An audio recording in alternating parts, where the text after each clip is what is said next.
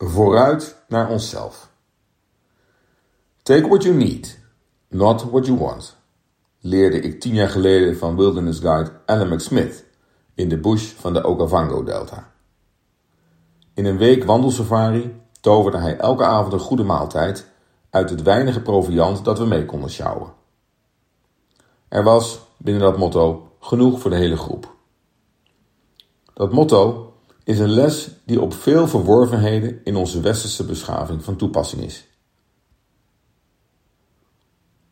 Het is overduidelijk dat onze economische, maatschappelijke, klimaat, voedsel, gezondheids- en ook culturele uitdagingen niet kunnen worden opgelost als we blijven doen wat we deden. Hoe kunnen we eenzijdige welvaartsgroei keren naar gelijkere verdeling, duurzamere benutting van resources en meer welzijn? Aan welke knoppen gaan we draaien voordat de wal het schip keert? Het bewustzijn voor een beter evenwicht groeit, maar het doorbreken van onze patronen vereist een andere kijkrichting op divers vlak. Een voor de hand liggend ingrediënt is technologische vernieuwing. Zo kan artificial intelligence ons helpen intelligentere oplossingen te vinden. Daarnaast is het goed integrale kosten beter door te rekenen. We moeten blijven uitleggen dat vliegen naar Zuid-Spanje voor drie tientjes echt niet meer kan. Ook belangrijk is welzijn in plaats van welvaart meetbaar te maken en zo prestaties anders te gaan waarderen dan enkel in materieel opzicht. Eer en betekenis is in ons vrije Westen een te weinig motiverende waarderingsgrondslag geworden. Terwijl we ten diepste wel weten dat bezit niet gelukkig maakt. Vrijheid wel. Keuze en bewegingsvrijheid is sinds de Russische inval weer een merkbare waarde.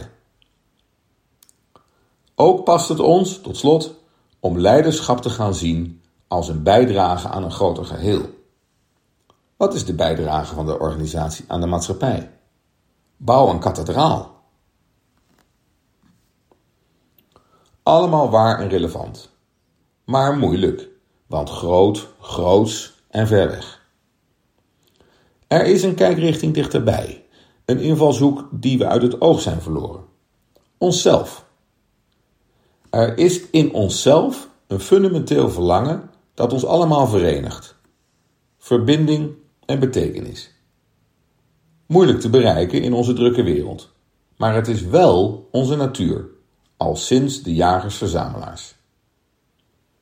We zijn ermee in onbalans, terwijl we ook in deze moderne tijd willen delen en compassie hebben met anderen. Zodra in contact met de natuur, met onze natuur, kunnen we ervan leren.